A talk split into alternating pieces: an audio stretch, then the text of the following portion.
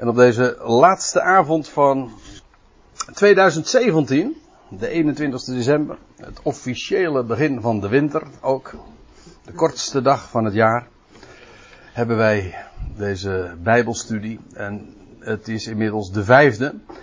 En we hebben het tot dusver iedere keer gehad over, ja, nou ja, uiteraard dit thema, de wederkomst. Maar dat is nogal een breed begrip. We hebben het wat smaller tot dusver genomen, namelijk die ene gebeurtenis en alles wat daarmee verband houdt, de, de wegrukking. Daar hebben we ons mee bezig gehouden. En als ik zeg de wegrukking, dan bedoel ik daarmee, en laten we even terugblikken naar de voorgaande avonden. De eerste avond hebben wij ons bezig gehouden met die versen aan het slot van dat hoofdstuk. Waar gesproken wordt over ja, het uitzicht dat we, waar wat Paulus dan optekent.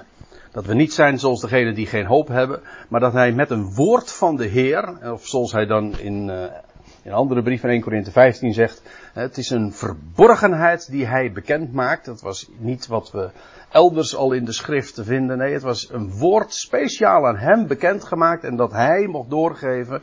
De gebeurtenis waar hij het in dat hoofdstuk over heeft, vind je nergens vermeld. Nou, in ieder geval dat, dat, we, dat er een moment zal komen dat, dat de gelovigen zullen worden weggerukt. Want dat is het woord wat eigenlijk gebruikt wordt. Weggevoerd, zeggen andere vertalingen. In ieder geval, uh, het idee is het aardse toneel zullen verlaten, waarbij eerst de, de, doden zullen opstaan.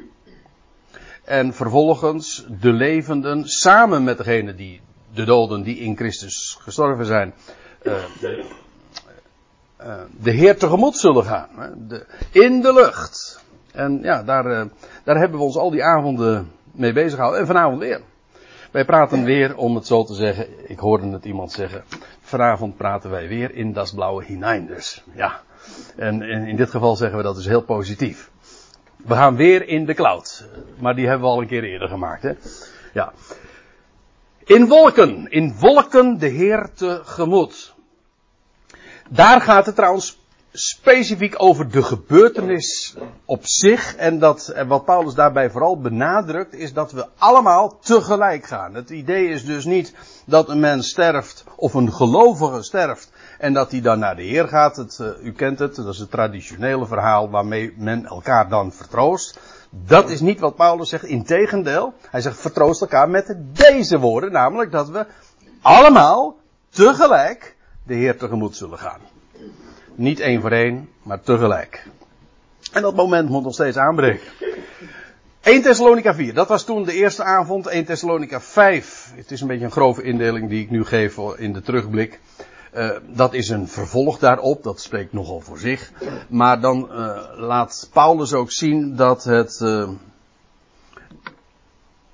dat die gebeurtenis op een, bij een speciale gelegenheid ook zal zijn. En dat het helemaal geen enkele reden is om, om daarover onbekend te zijn. Over de tijden en gelegenheden.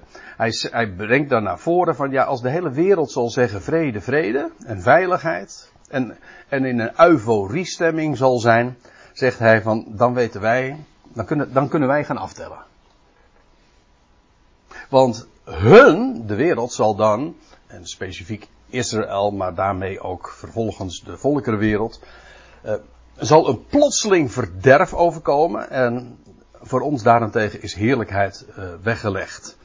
En juist ook dat hij dat zo aangeeft, is een hele belangrijke indicatie. Het is dus niet zo van, nou ja, dat, die dag kan elk moment gebeuren, want dan zou die dag ons eigenlijk wel overvallen. Nee, Paulus zegt, daar, dat is bij een specifieke gelegenheid. Dat wil zeggen, als er alom vrede geroepen zal worden en men zal denken dat er een, messiaanse tijd zal zijn aangebroken, denk maar aan die ruiter op het witte paard.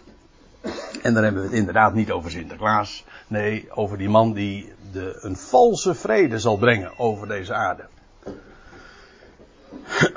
En dat was 1 Thessalonica 5. Vervolgens hebben we ons bezig gehouden met 2 Thessalonica, dat is de derde avond, over 2 Thessalonica 2, over de afstandneming. En het is met opzet geweest uh, dat ik het zo weergeef. Meestal in de vertalingen staat er de afval. Eerst moet de afval komen, maar we hebben, nou ja, tamelijk breed uitgemeten. Trouwens de vorige keer ook nog. Dat het geen, uh, geen afval is die vooraf zal gaan aan de, de onthulling van de mens der wetteloosheid. Nee, het is een afstandneming, een apostasia, wat dus letterlijk betekent een, een afstandneming, maar dan ook in de ruimtelijke zin van het woord, een letterlijke zin van het woord, namelijk dat, ja, we vertrekken. Er vindt een vertrek plaats. En in datzelfde hoofdstuk brengt hij dan ook naar voren, ja, dat voordat die mens der wetteloosheid zal komen, zal de, de vasthouder, degene die hem nu nog tegenhoudt of vasthoudt, zal worden verwijderd uit het midden. Dat is gewoon dus exact hetzelfde. De verwijdering van de, was, de vasthouder en de afstandneming die voorafgaat aan de onthulling van de mens der wetteloosheid, dat is dezelfde gebeurtenis. Ik kom er straks nog uh, op terug. Uh, de voorgaande avond, de vierde avond, hebben we ons trouwens ook nog weer bezig gehouden met 2 Thessalonica 2. Vooral ook omdat we ja, wat puntjes op de i gezet moesten worden.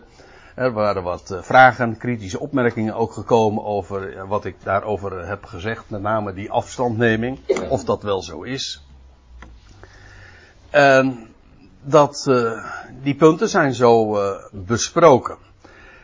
En ik denk dat we, en dat is niet omdat we nou aan het einde van het jaar gekomen zijn en maar het komt eigenlijk in die zin wel mooi uit. Dat we vanavond nog eens wat gaan terugblikken. In die zin ook onze conclusies moeten gaan trekken. We hebben de, de belangrijkste schriftgedeelte die Paulus uh, heeft opgetekend. Hij is degene per slotverrekening die over die wegrukking spreekt. De, de belangrijkste Bijbelgedeelte, 1 Thessalonica 4, 5, de tweede Thessalonicense brief. We hebben die gedeelte besproken. En nu wil ik een, een, een vraag gaan stellen, heel specifiek. En wat weten we nu? Als we nu eventjes alles op een rijtje gaan zetten, en dat wil ik ook gaan doen in zeven punten. Mooier kan dat toch niet? Hè?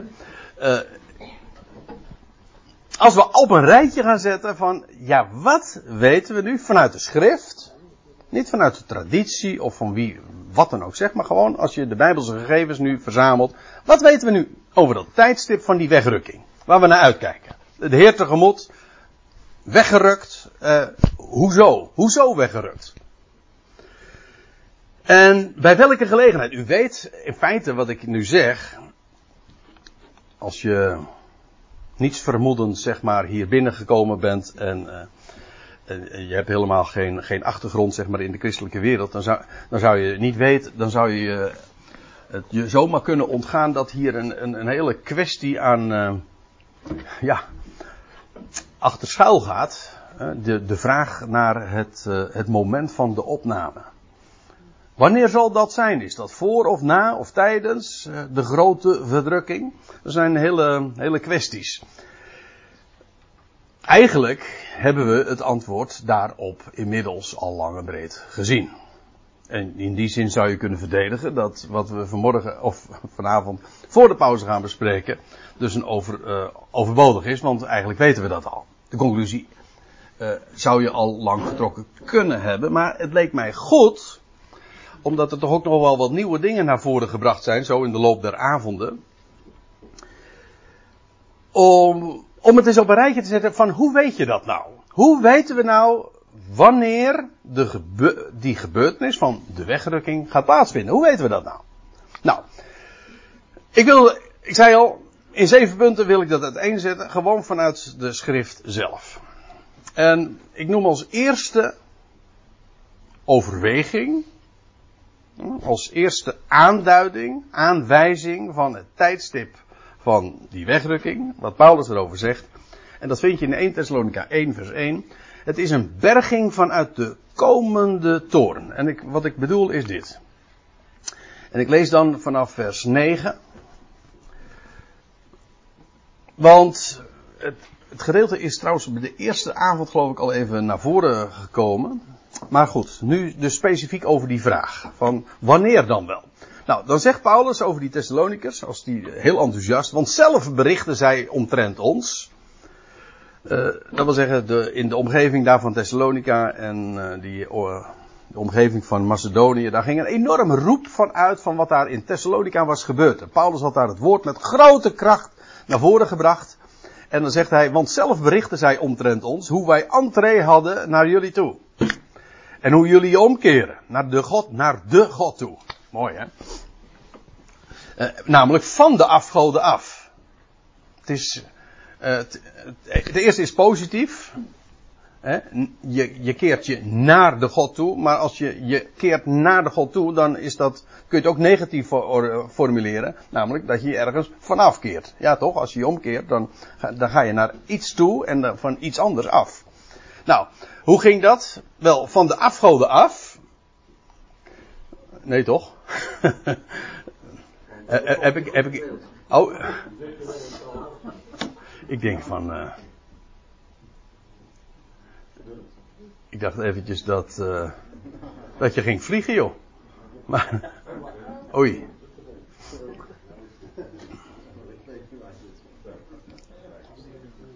Ben ik beter in beeld zo? Oh, ik stond er maar half op. O onthoofd? Oh. Oh jee. Nee, over, I over IS. Nou.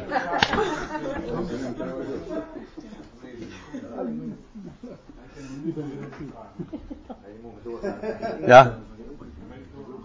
Oké. Oké. maar, uh, ja, wat maakt het uit? Of, uh, moet ik spreken om, om, die camera goed te krijgen dan? Oh, het geluid is niet goed. Oké, oké. Okay. Dat gaat met een vertraging van één minuut, dus we moeten even wachten. Oh, oké. Okay. Ik, ik, dacht dat het uh, zo direct allemaal was. Oh, oké, okay, vandaar. Oké, okay, nou dan uh, zullen we, zal ik me, dan zal ik me verder niet aan jou storen even. Sorry? Dan is er nog tijd om te corrigeren, net zoals in Rusland. Ja, ook dat, ja. uh, we hadden het dus over die, uh, over, over, wat er met die Thessalonicus waren, was gebeurd. Ze hadden zich omgekeerd naar de God toe. Dat wil zeggen, ze hadden de ene God leren kennen. En de, ja, als je eenmaal de God kent, dan, dan keer je uiteraard van de afgoden af. Uh, het, het, dat gaat niet samen, uiteraard. En dat lijkt me ook geen, geen, geen moeilijke keuze. In ieder geval, zij hadden zich afge, afgekeerd van de goden. En nu kenden ze de God. En ja, ze waren zijn slaaf. Zijn lijfeigene. Om de levende en waarachtige God te dienen.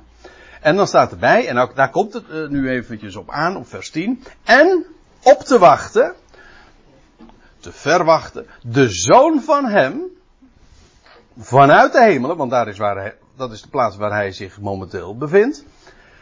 Op te wachten, de zoon van hem, vanuit de hemelen, die hij, God, opwekte vanuit de doden. Eigenlijk staat hier in een paar zinnen ook het hele evangelie. Wij kennen, wat is een gelovige? Dat is iemand die de God heeft leren kennen. En wie is die God? Dat is degene die zijn zoon uit de doden heeft opgewekt. En, uh, wat is daar de verwachting van? Wel, die zoon die komt weer terug. Vanuit de hemel. Hij bevindt zich daar nu, maar dat is tijdelijk. Hij komt weer terug. En wat zal hij dan doen? Wel, dan zal hij ons eh, als hij vanuit de hemelen komt, dan zal hij ons bergen vanuit de komende toren. Hij bergt ons. Ik denk dan aan een. Eh, als, als ik zo'n woord gewoon wat visualiseer, dan denk ik meteen aan, eh, aan een evacuatie. Dan zie ik een helikopter, weet je wel, die dan zo'n touw uitlaat om, om, zodat je ergens uit ge, ja, geëvacueerd kan, kunt worden uit een bosbrand of noem maar wat. Zoiets. Bergen. Ja, dus zodat de komende toren ons niet zou treffen. Let op trouwens dat er staat, het is al een paar keer uh, ook bij Menno toen in de, uh, de avonden over de, het Grieks ter sprake gekomen. Ik wil u nog iets ter overweging meegeven. Er staat niet dat hij ons bergt uit de toren, maar uit de komende toren uit de toren die er aankomt, bergt hij ons. Dus het idee is niet zozeer dat hij ons bergt uit de toren. Zo van, we zitten wel in die toren. Nee, hij bergt ons uit de toren die er aankomt. Een komende toren dus. Maar, nou heb ik een vraag. En ik weet niet of u zich daar wel eens een keertje over hebt gebogen, of ze überhaupt die vraag hebt gesteld. Welke toren dan wel? En van wie? Ja.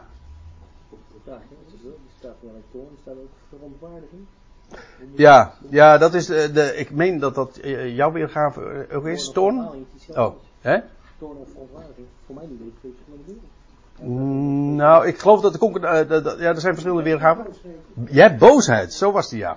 Dit is uh, de weergave van toorn uh, uit, uh, trouwens de MBG ook, de Statenvertaling ook. ik weet dat de MBG, de vertaling van de van EH, verontwaardiging heeft. ik wil daar niet te, te, te verschil, veel verschil in dit geval over maken. Ja, dat is gevoelswaarde. Ik, ik weet niet of het, gaat er vooral om. Wat, wat, wat uiteraard wel van belang is, dat als je het woord, als je een woord kiest, dat je dat concordant doet. Hè? Daar gaat het vooral om. Maar ik denk niet dat het verschil tussen verontwaardiging en toren uh, al te groot is. Ik wil dat nu eventjes parkeren en ik wil daar al helemaal geen, geen strijd over voeren. Sorry? Ik denk echt dat boosheid is, want het past ook in de context. Boosheid? Ja. nou. Ja. Ja, ja ik, ik, aan, de, aan, de, andere kant, ik wil ook wel eventjes zeggen, zonder, dat zonder daar nu al te veel aandacht aan te geven. Uh, soms zijn er ook woorden die ook min of meer natuurlijk synoniem zijn. Als ik zeg van, ik, ik, ontstak in grote boosheid, of ik ontstak in grote toorn, of ik was heftig verontwaardigd, dan, dat zijn niet drie verschillende dingen. Dat kan gewoon exact hetzelfde zijn, alleen je gebruikt er verschillende woorden voor. Ik weet het, een concordante vertaling moet concordant zijn, dat is waar. Maar goed, uh, daar laat ik het even bij. Uh, het gaat mij nu even namelijk niet uh, om de vraag of het toorn of verontwaardiging is. Het gaat mij om de vraag, de toorn van wie? En daarmee dus ook, welke toorn? En laat ik, laat ik eens eventjes een, een vraag stellen. Wie, wie, wie, hè?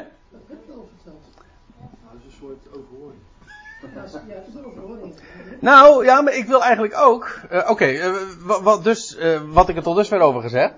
De toorn van de draak, ja. ja. Maar ik, ik denk inmiddels. Niet dat dat. ja, daarom ga ik er nu ook op in. dat het. Ja, dat geloof ik nog steeds, want het is het eerste wat ik ook daarover naar voren ga brengen. De toorn van de draak. Maar u ziet het, dat is nummer 1. Antwoord nummer 1. Er is namelijk nog een antwoord. Maar laat ik eerst eventjes dit zeggen.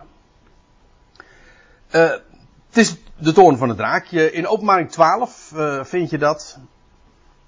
Dan lees je daarom, wees vrolijk hemelen en die daarin als een, in een tent wonen. Uh, dat is, dit is trouwens, uh, dit vers komt straks trouwens nog een keertje langs, maar dan om een andere reden. Uh, dit is wanneer de, de draak, de Satan, de oude slang, hij wordt daar bij al die namen genoemd, uit de hemel geworpen zal worden. En dat is een reden om vrolijk te zijn in de hemel. Wees daarom vrolijk hemelen die daarin als in een tent wonen. Maar wee het land. Of de aarde. En de zee, want de diabolos, de duivel, de doorheenwerper, daalde tot jullie neer in grote woede, wetend dat hij een korte periode heeft. Kijk, hier is, trouw, dit is trouwens nog weer een ander woord. Uh, dus niet het woordje boosheid of, uh, of toorn in 1 Thessalonica 1. Maar ik moet er trouwens bij zeggen, in uh, vers 17, dan is het wel weer het woordje, hetzelfde woord als in, in 1 Thessalonica 1 vers 10. Hè, die ons bergt uit de komende toorn. En dan lees je in vers 17 van, uh, van openbaring 12. En de draak werd toornig op de, de vrouw. En die vrouw, dat is, uh, dat weten we inmiddels ook, Israël. Die dan vlucht naar de woestijn. Die heeft daar een, een, een onderduikadres. En daar wordt ze 1260 dagen lang bewaard en gevoerd en onderhouden. Maar in die tijd, in die 1260 dagen, want dat is wat er, uh, die periode wordt daar beschreven, die korte periode waar het hier over gaat, dat is die, die tijd, dat uh, tijdsbestek ook. Daarin zal de die diabolos in grote woede, oftewel in toorn zijn, is trouwens een aardige aanwijzing ook inderdaad dat je ook weer niet al te groot verschil moet maken tussen die termen. Want ze worden hier ook uh, min of meer als synoniemen gebezigd. De Satan zal uiterst toorn zijn, want ja, die is, die is dan inderdaad vernederd. En dat bedoel ik dus letterlijk. Want hij was daar in de hemel en dan is er grote schoonmaak gemaakt en dan is er daar geen plaats meer voor hem. En dan is hij op aarde. En hij weet dat, dat hem nog maar een korte tijd beschonken, uh, uh, gegeven is. En daarom gaat hij ook rond. Hè? Dat is het woord van Petrus uh, in dat geval. Ook als een briesende leeuw. En hij weet dat hij heel weinig tijd heeft. Dus dat is het toorn van de draak. Dus als, als daar staat in 1 Thessalonica 1 dat als wij de zoon verwachten uit de hemel, die ons, die zal ons bergen, hij zal ons in veiligheid brengen, want dat is de betekenis van het woordje bergen. Als werkwoord, het is niet als, uh, ja, als zelfstandig naamwoord, gaat niet, we hebben het niet over de Alpen, hè, die ons bergt uit de, uh, uit die, die komende toren. En dan weten we één ding zeker. In die periode die daar namelijk gaat volgen, is, zal de, de draak in grote toorn op aarde zijn, worden, uh, op, op aarde zijn neergeworpen. Dat is één. Maar ik heb nog een antwoord op die vraag. En dat is dat er in die periode, diezelfde periode van die 1260 dagen, en dan ga ik een hoofdstukje terug, in openbaring 11, wordt er ook gesproken over vergelding.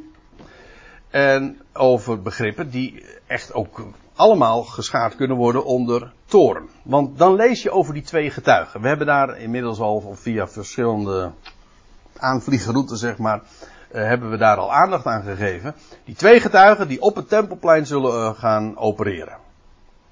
Vanaf het moment dat die wegrukking dan zal plaatsvinden, dan, zal, uh, dan, dan begint God weer met een nieuw getuigenis. Twee getuigen. Op het tempelplein. Op dat, datzelfde moment, daar zal ook een afgodsbeeld geplaatst zijn in Jeruzalem. En die twee getuigen, die zullen daar 1260 dagen lang profiteren. En ze zijn onaantastbaar. Dat wil zeggen, niemand kan hen wat doen. Dat wil zeggen, 1260 dagen, na die 1260 dagen, dan hebben ze ineens wel succes, want dan worden ze gedood. En dan, de hele wereld schenkt elkaar uh, cadeautjes en, ja, zo staat het er allemaal. Ja, dan geven ze elkaar geschenken, want eindelijk zijn we die, die vreselijke figuur af. Dat, is, dat duurt trouwens maar 3,5 dag. Maar gedurende die 1260 dagen lees je dit. En indien iemand hen wil, wil beschadigen, dan komt er vuur uit hun mond. Al of niet letterlijk, maakt me niet uit, maar in ieder geval het eet hun vijand op. Dat staat er. En indien iemand hen wil beschadigen, dan moet hij zo gedood worden. Alsjeblieft. Dit is, ja, dus, nou neem me niet kwalijk, maar dit is echt goddelijk oordeel. Hè, als, de, als dit gebeurt. Je leest dan vervolgens in vers 6, deze, deze, dan gaat het over die twee getuigen, die hebben de autoriteit om de hemel te sluiten. Hoezo? Nou, opdat geen regen zal regen in de dagen van hun profetie. Dus zolang zij daar getuigen en profeteren, daar op het tempelplein, dan hebben zij de volmacht om al die tijd, dus drieënhalf jaar lang, het niet te laten regenen. Dat betekent dus dat het niet alleen een periode zal zijn van grote verdrukking, maar ook nog eens een keer van grote droogte. Hè? En inderdaad, ook dat, dan krijg je dus ook weer een tijd van schaarste, van, uh, van hongersnood. En in feite een herhaling van de geschiedenis. Want we kennen een getuige, we kennen een profeet die dit ooit gedaan heeft. En op precies dezelfde termijn. Van, van Elia. Ja. Elia, die het ook niet deed regenen. Je leest het in uh, Jacobus 5, maar ook in het boek Koningen. Dat het niet regende drie jaar en zes maanden. Praat je over, pakweg, 2900 jaar geleden. En straks, over een paar jaar, gaat dit dus weer gebeuren. Dat het drie jaar en zes maanden niet zal regenen. Of in ieder geval, misschien moet ik iets voorzichtiger zeggen. Want ze zagen, er staat, wat, je zou eronder uit kunnen. Ze hebben de autoriteit om de hemel te sluiten.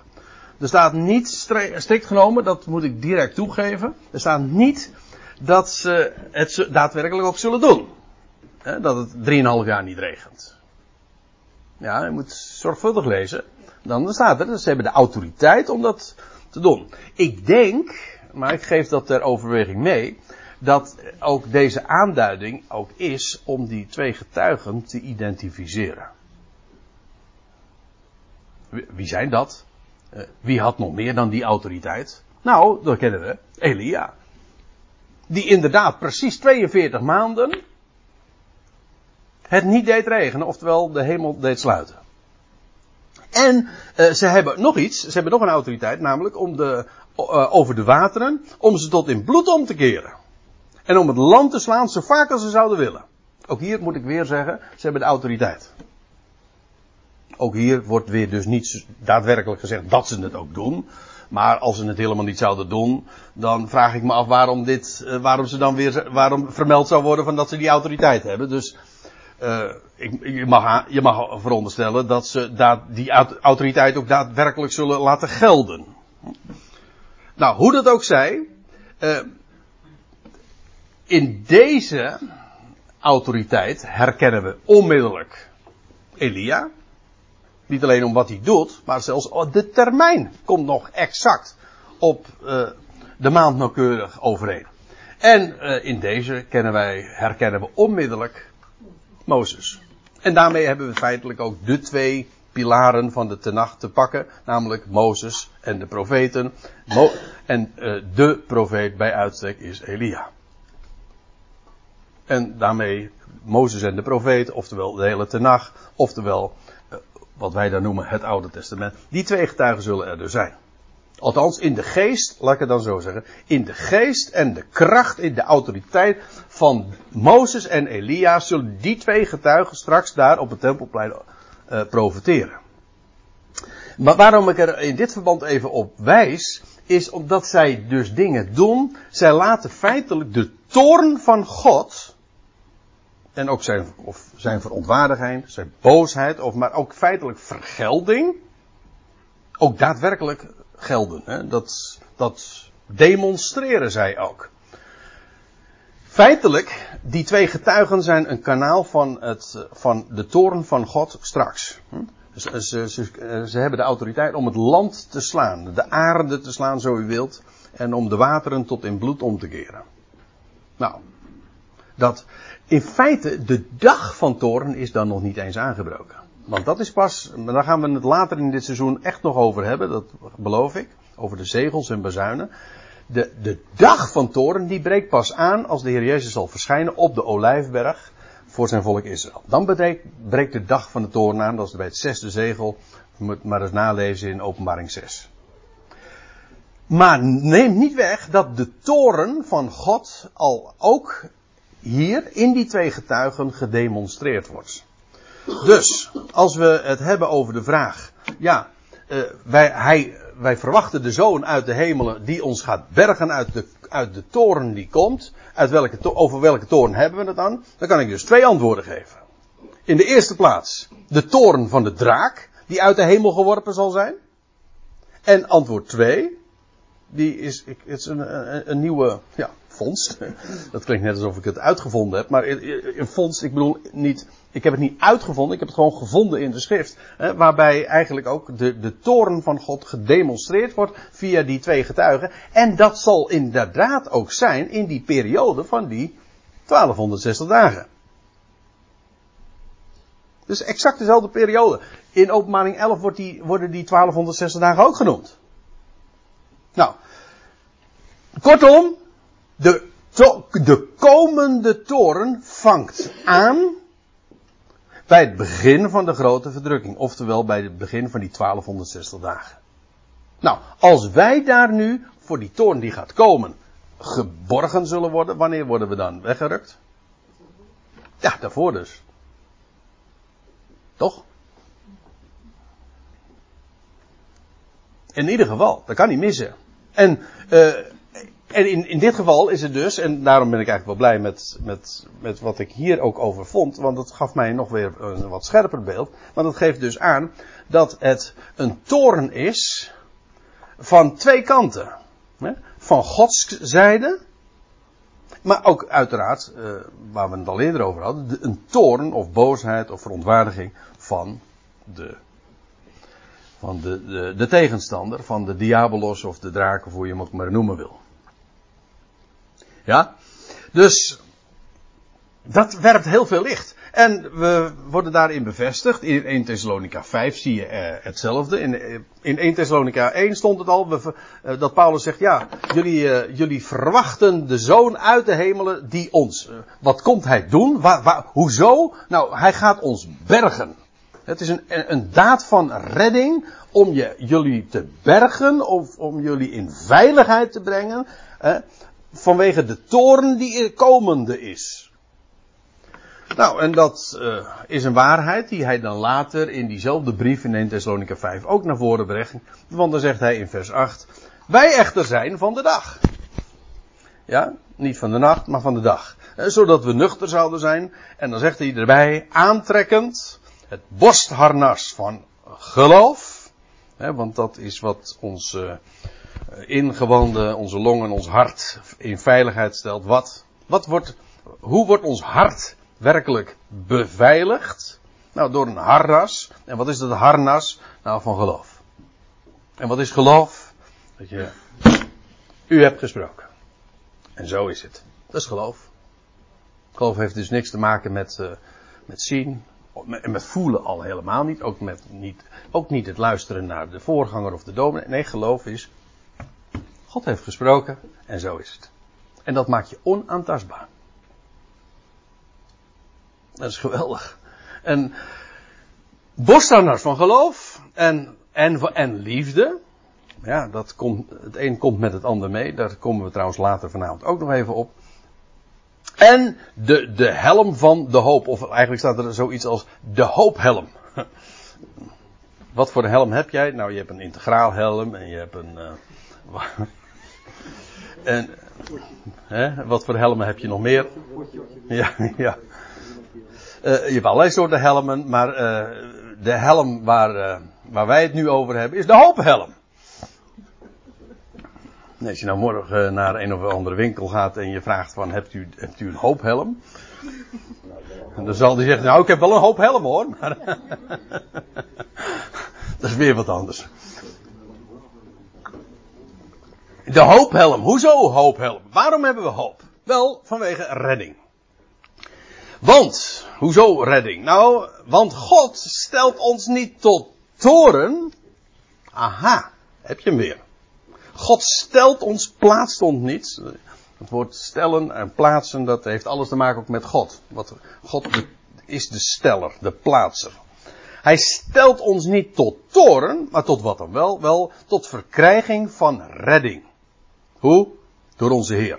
Jezus Christus. Die we immers uit de hemelen verwachten. En als hij komt, wel, dan bergt hij ons. Dan redt hij ons van die toorn die gaat komen. En ongeacht of je daarbij denkt aan God. Die dan in eerste instantie via de twee getuigen zijn, zijn, zijn, zijn tegenmaatregelen, zijn represailles neemt. Of je denkt aan de, de, de, de draak die dan zo zal gaan opereren in grote haast en in grote heftigheid. In beide gevallen is toorn waarvoor wij worden geborgen. In veiligheid gebracht. Dat is antwoord 2. We worden dus die, die periode, periode van toorn, daarin worden wij in veiligheid gebracht. En hoewel, wel vanwege de terugkeer vanwege de zoon die uit de hemelen komt en die bij die gelegenheid iets gaat doen met ons, namelijk ons in, in veiligheid brengen. Ons bergt. Waarom? Wel, God stelt ons niet tot toorn. En wat dan wel? Nou, tot verkrijging van redding. Hoe? Door onze Heer, Jezus Christus. Soms is Bijbellezen heel simpel. Hè? Ja, en nu komen we op nog een punt. Daar hoef ik niet al te uitgebreid meer op in te gaan, omdat we dat al hebben gedaan. We willen, ik wil niet te veel herhalen, maar het gaat mij er nu vooral voor de pauze om, om op eventjes op een rijtje te zetten van hoe weten we nou dat die wegrukking plaatsvindt voor die, weg, voor die, die grote verdrukking, voor die periode van 1260 dagen. Hoe weten we dat nou? Wat zegt de schrift erover? Nou, we hebben nu twee punten gehad. Nu krijg je punt drie. die afstandneming, of de afstandneming, het, het, namelijk, er wordt dus afstand genomen, en, oftewel er vindt een vertrek plaats, en van het, ja, dit is een afkorting, het lichaam van Christus bedoel ik.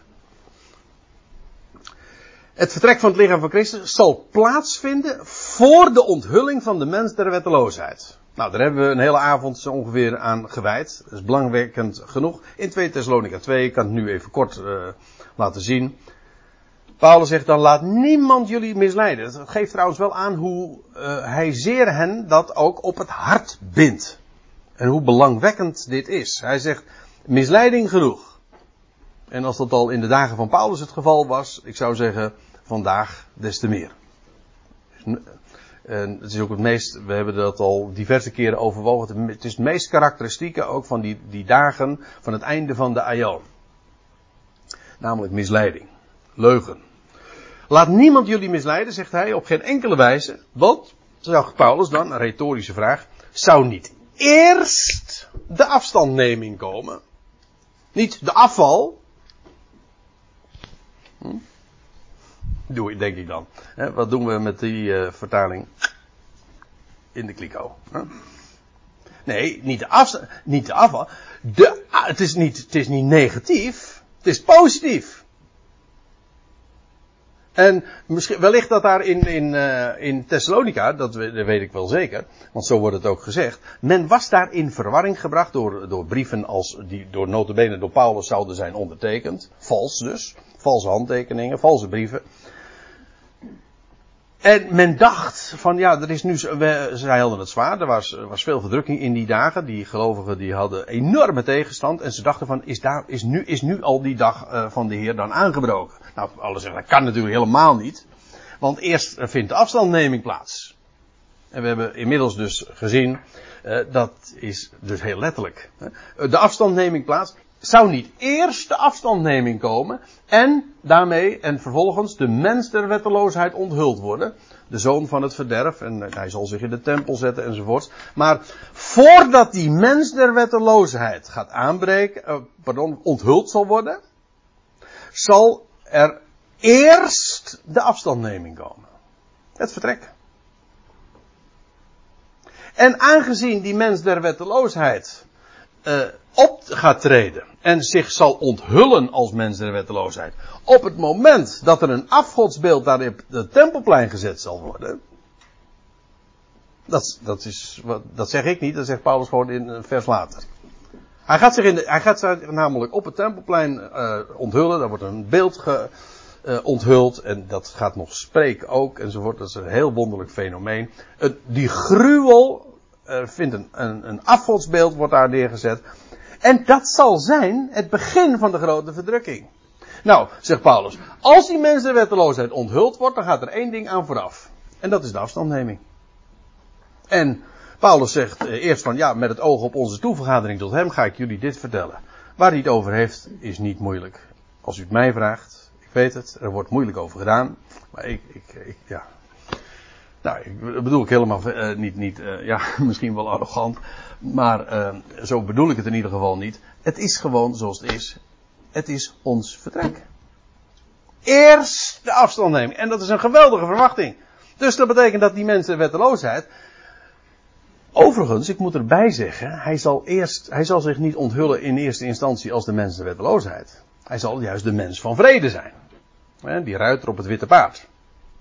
Die daar, uh, in openbaring 6, die, uh, die zal overwinnen en een geweldige uh, periode zal aanbreken. Maar dan gaat hij zijn masker afwerpen. Dan zal hij laten tonen wie die is. En dat zal zijn wanneer er een gruwel opgericht gaat worden op het tempelplein. Maar daar, hij, die, die gast die kan niet komen. Die wordt vastgehouden. Hij kan niet komen voordat eerst de afstandneming plaats zal vinden of zal komen. Nou, dat is waar Paulus het over heeft. Nog een argument. Of nog een argument. Ja, argument voor het feit dat die wegrukking niet zomaar een wegrukking is. Het is maar niet zo van vrolijk gaan we naar de. Nee, nee, het is een. Het is een dreigend gevaar. Daarom hou ik ook van het woordje wegrukking. Het is precies ook. Het heeft te maken met een plotselinge daad. Uh, in datzelfde 2 Thessalonica 2, daar vind je het op nog een andere manier geformuleerd. In vers 3 wordt er gezegd van, wordt het genoemd de afstandneming. Maar als je het even verder leest, dan lees je dit. Uh, dat Paulus zegt in vers 7, want, zegt hij, het geheim van die wetteloosheid is reeds inwerkende. Uh, in, uh, in de Johannesbrief wordt het de geest van de antichrist genoemd. gelijk gij gehoord hebt dat er vele antichristen zijn. nee, dat er een antichrist, de antichrist zal komen. Zal, zijn er nu ook vele. maar die geest is reeds werkzaam. Alleen, hij, hij kan nog niet zich onthullen. Hij, want het geheim, in het verborgene werkt het zo, van de wetteloosheid is reeds inwerkende. Alleen totdat degene die op dit moment vasthoudt, uit het midden verwijderd wordt. En dan zal de wetteloze onthuld worden. Als je dat met die afstandneming al hebt begrepen, dan is dit niet moeilijk meer, want dan weet je dat het over exact hetzelfde gaat namelijk. In, in vers 3 wordt er gezegd van, ja, die mens de wetteloosheid, die gaat, uh, voordat die mens de wetteloosheid komt, moet eerst de afstandneming plaatsvinden. He? Moeten we vertrekken. En hier staat, ja, die mens de wetteloosheid, die kan onthuld worden. Wanneer zal die onthuld worden? Wel, wanneer degene die op dit moment nog vasthoudt, de gelovigen, of zo u wilt, als collectief het lichaam van Christus, als die uit het midden verwijderd wordt. En dan zal de wetteloze onthuld worden. Zodat, ik hoop dat u dat inmiddels begrepen hebt, zodat het uit het midden verwijderen van de mens der wetteloosheid exact hetzelfde is als de afstandneming. Dat is gewoon, het zijn twee verschillende aanduidingen, twee verschillende eh, formuleringen, maar het gaat over exact hetzelfde. De vasthouder, of tegenhouder, of weerhouder, maakt me niet uit, want de gedachte blijft toch hetzelfde. De vasthouder moet eerst verwijderd worden, zodat de mens de wetteloosheid onthuld kan worden. Weer een antwoord. Wanneer vindt dus die wegrukking plaats? De afstandneming, de verwijdering van de vasthouder? Nou, op het moment. Of in ieder geval voordat de mens de wetteloosheid verschijnt. Oftewel voordat hij zich op het tempelplein gaat onthullen en zijn masker afdoet. That's it. En dat vind ik het mooie van Bijbelstudie. Als je, als je gewoon leest wat er staat, uh, dan word je bevestigd in vervolgens de andere dingen die je gaat ontdekken.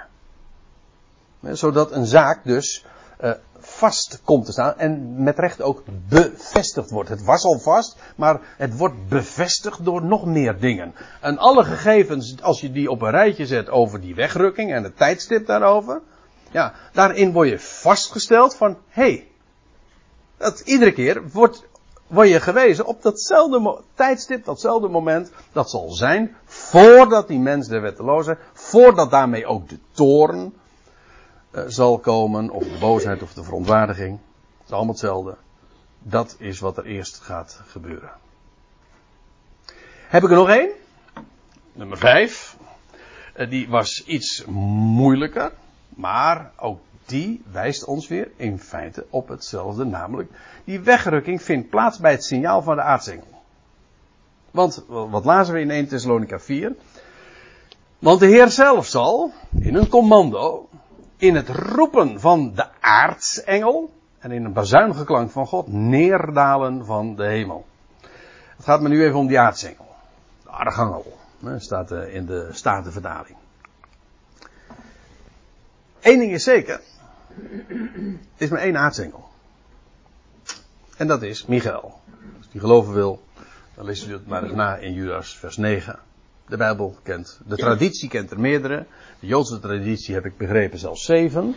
Maar de schrift kent er maar één. Eén aartsengel. En dat is zo boeiend, want wat weten we van Michael? Eigenlijk weten we van Michael helemaal niet zoveel. Maar één ding weten we. Nee, we weten twee dingen van Michael.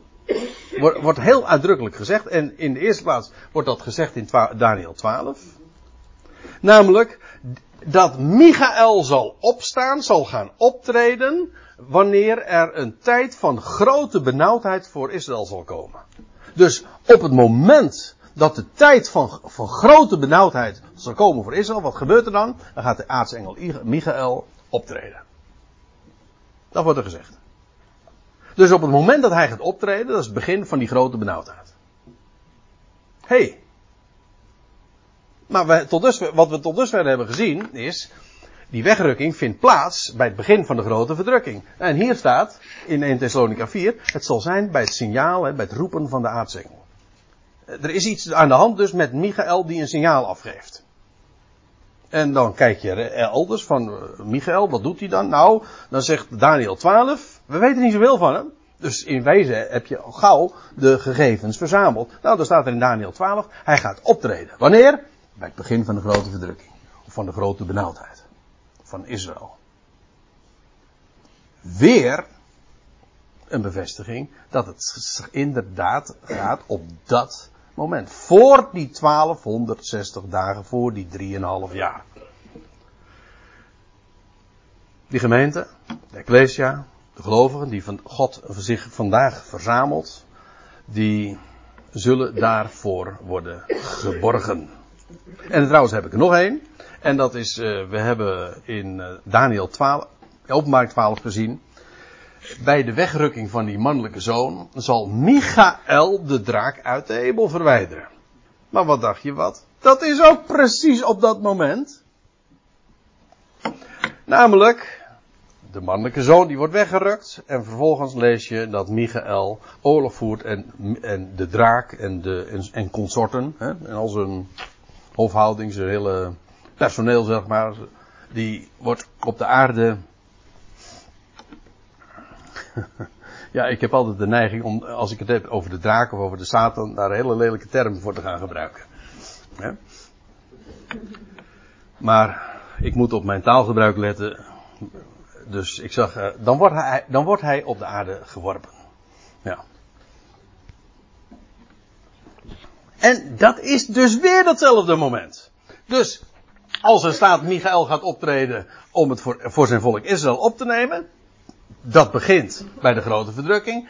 En als, die, als de draak uit de hemel geworpen wordt, dat is ook het begin van de grote verdrukking. Oftewel het signaal van Michael, oftewel het roepen van de aartsengel, oftewel het moment dat die, die gast, uh, nee, die, die gast, die, eh, de, de aartsengel gaat optreden, dat is dus bij dat moment.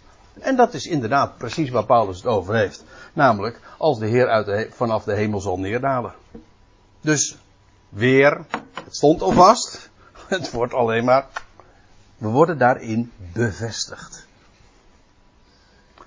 Heb ik er nog één? Ja, dat is trouwens dat is een hele treffende. Nou gaan we dus eventjes uit de boeken, of uit de geschriften van Paulus. En dan komen we in het boek Openbaring. Daar hebben we al verschillende keren bij stilgestaan natuurlijk. Maar in dit geval, we stellen nu ons de vraag van, ja, wat weten we over het moment van de wegrukking? Dan is Openbaring 12 wel een kroonjuweel hoor een kroongetuige. Want daar staat gewoon, zwart op wit, dat de wegrukking van de mannelijke zoon, namelijk Christus, en, en, en wij weten van uit de brief, dat wordt in openbaring niet uitgelegd. Dat zijn meer verborgenheden die Paulus dan weer uitlegt. Maar wij weten wel dat als, het, als we het hebben over Christus, dan praten we niet alleen maar over één iemand, maar we praten feitelijk over een heel gezelschap. Namelijk over hoofd en lichaam. Degene, al degenen die bij hem horen. Onlosmakelijk met hem verbonden zijn. Wel, die mannelijke zoon die wordt weggerukt. En wanneer vindt dat plaats? Nou, staat erbij. Voor de 1260 dagen. En dan lees je namelijk over, over die, die vrouw Israël. Ze baart een zoon. Dat is, dat is Christus dus. Mannelijk. Bestemd. Eh, dat betekent, als er staat mannelijk bedoeld, betekent dat ook, um, die, iemand die voorop gaat en die bestemd is voor de heerschappij. Mag je toch, uh, ja, vandaag mag je dat niet meer aan publiek zeggen, maar dat is echt zo. Dat is een bijbelse gedachte. Mannelijk betekent gewoon bestemd voor de heerschappij.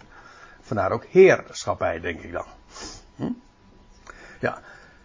En ze baarden een zoon, mannelijk, die op het punt staat te hoeden. Al de natieën in ijzeren knots. Dat is echt mannelijk, hè. Uh, en ja, je hebt ook een Iron Lady, dat weet ik, maar. nou, je had een Iron Lady, ja. Uh, die op het punt staat de, uh, de al de natie in ijzeren, uh, in ijzeren knots. En weggerukt wordt het kind van haar. Haha, dus Die, want ja, u weet het, hè, die, die draak die was daarop gefocust. En die, die, die toren, die boosheid, die kwam eraan. Maar op het moment dat die mannelijke zoon dan gebaard wordt, wordt hij weggerukt naar, uh, naar God toe en naar de troon van hem. En dan staat er, en de vrouw, Israël, gelovig Israël, vluchtte tot in de woestijn, tot in de wildernis, en waar zij ook een plaats heeft, een, een, een schuilplaats, gereed gemaakt vanwege God, opdat zij haar daar zullen voeden 1260 dagen. En uh, nou, uh, we hebben al een heel aantal uh, seizoenen ons bezig gehouden op een of andere manier met het, met het profetisch woord. En, en deze passage komt, ja, komt nog wel eens een keertje voorbij. Omdat het, omdat het ook qua, qua tijdschema iets, iets, iets heel treffend weergeeft. Want het, het, het zet de dingen gewoon op een rijtje. De, de, de mannelijke zoon, die is daar. Als die compleet is, als die, dan wordt hij weggerukt. Naar God in zijn troon. En vervolgens, wat gebeurt er dan met Israël? Nou, die, die, die krijgt dan de gelegenheid om te vluchten naar de woestijn. Die twee getuigen zullen dat ook ongetwijfeld zeggen. Maak dat je wegkomt, ga naar de woestijn. En dan is het ook, eh, dan moet je ook, eh, dan moet je ook echt eh, de wijk nemen. En dan moet je ook niet meer denken van, oh, kan, wat kan ik allemaal even meenemen? Wegwezen. Dan. En dan vluchten ze naar de woestijn en daar hebben ze een plaats. En 1260 dagen lang, 42 maanden, lees je dan elders, maar hetzelfde periode, worden ze daar bewaard. Nou, één ding, en daar gaat het me nu even om. Wanneer vindt die wegrukking plaats? Nou, voordat die vrouw vlucht. En voordat die vrouw daar in die woestijn 1260 dagen bewaard worden. Ja, eh, als je, ik zou zeggen, lieve mensen, als je het nu nog, nog steeds ontgaat, dan vraag ik me af hoe, het wel duidelijk te maken is. En hoe, hoe het, uh, uh, ja, nou ja, dan kun je ze altijd zeggen van nou, we, we, we, we merken het vanzelf wel. Ja, maar die dag zou ons niet overvallen. Hè? En je wil weten, wat heeft de schrift erover, wat staat erover geschreven? Nou, en dan, dan zeg ik van, het is niet moeilijk. Die, die mannelijke zoon, ja, die wordt weggerukt voor die 1260 dagen. En nou heb ik nog iets. Een zevende punt. Voordat we gaan pauzeren wil ik dat graag gezegd hebben. En nou komen we namelijk niet alleen maar op het, uh, op het uh, wanneer, maar ook op het waarom eigenlijk. Waarom worden we eigenlijk weggerukt? Zeg ja, het is niet leuk om, om, uh, om die periode mee te maken. Uh, sorry, maar dat vind ik geen goed antwoord. Want dan zou je ook kunnen zeggen van waarom voor Israël dan wel? Israël, want dat, dat, dat, degene die dan bij het begin van de grote verdrukking maken dat ze wegkomen en naar de woestijn gaan, die maken in feite de grote verdrukking ook niet echt mee. Althans, die worden keurig beschermd en onder, eh, die vinden daar een onderduikadres. En uh, degene die niet tijdig vluchten, ja, die zullen in een gigantische verdrukking terechtkomen. En, maar waarom zij dan wel? En waarom wij dan niet? En uh, de argumenten die ik uh, vaak over gehoord heb, die bevredigden mij niet. Ik vond ze ook eigenlijk een beetje kinderachtig. En ook een soft. Zo van, ja, maar het is niet fijn om die grote verdrukking mee te maken. Wat, dan denk ik, wat heeft dat ermee te maken? Tuurlijk is het niet fijn om de grote verdrukking mee te maken. Maar is, het, is dat alleen maar van, ja, ik zie er zo tegenop om verdrukt te worden en dat we daarom dit maar projecteren in de Bijbel? Heeft er niks mee te maken. Nou, misschien voor sommigen wel, die daarom hier oor voor hebben, maar dat is niet de instelling. Je moet gewoon kijken van wat zegt de schrift erover. Kijk, met de wegrukking van die mannelijke zoon tot Gods troon begint de heerschappij, pardon, begint de vestiging van het koninkrijk in de hemelen. Het is een koninklijke gebeuren wat, er aan, wat daar met die wegrukking gemoeid is. Het is maar niet alleen maar bergen voor, zodat, je, zodat we die ellendige tijd niet gaan meemaken. Nee, dat gezelschap wat God zich vandaag verzamelt, dat is het lichaam van Christus. Die is een mannelijke zoon. Bestemd voor de heerschappij. En als die, als die heerschappij gevestigd wordt en die begint, en de vestiging van die heerschappij en van het koninkrijk begint in de hemel. Ja, daar moeten wij dus bij zijn, want we hebben een hemelse positie. Heb je er zo wel eens tegen aangekeken? Dat is, dat, is, dat dus koninklijk, hè? We zijn bestemd voor de troon. En die troon zal die, die staat in de hemel. Maar weet u, op dit moment in de hemel geschiet Gods wil nog niet hoor. De Satan heeft er nog rijkelijk toegang. Je hebt de overheden, de macht in de hemelse gewesten.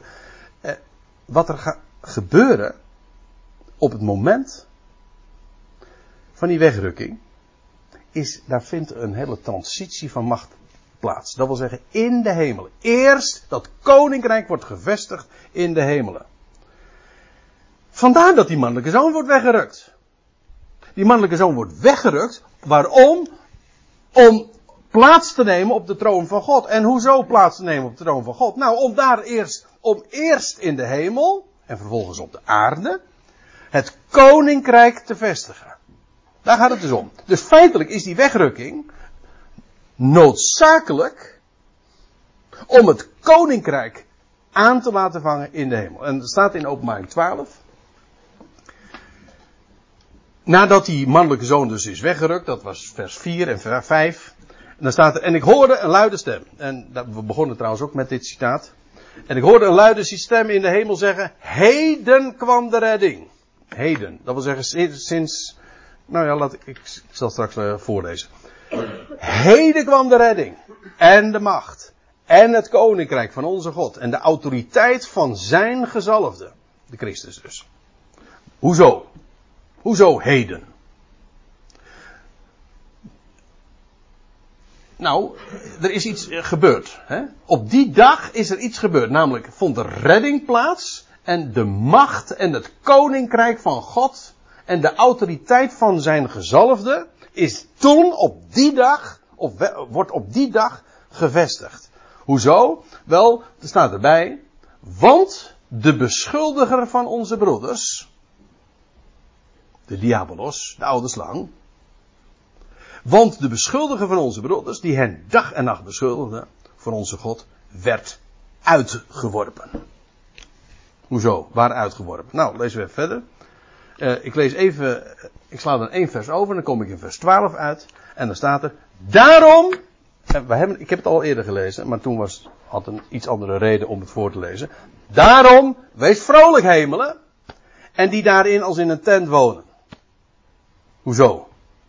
Nou, nu, vanaf die dag, dat de Satan naar beneden is geworden met alles wat erin is, is het koninkrijk gevestigd in de hemel. En gebeurt Gods wil in de hemel.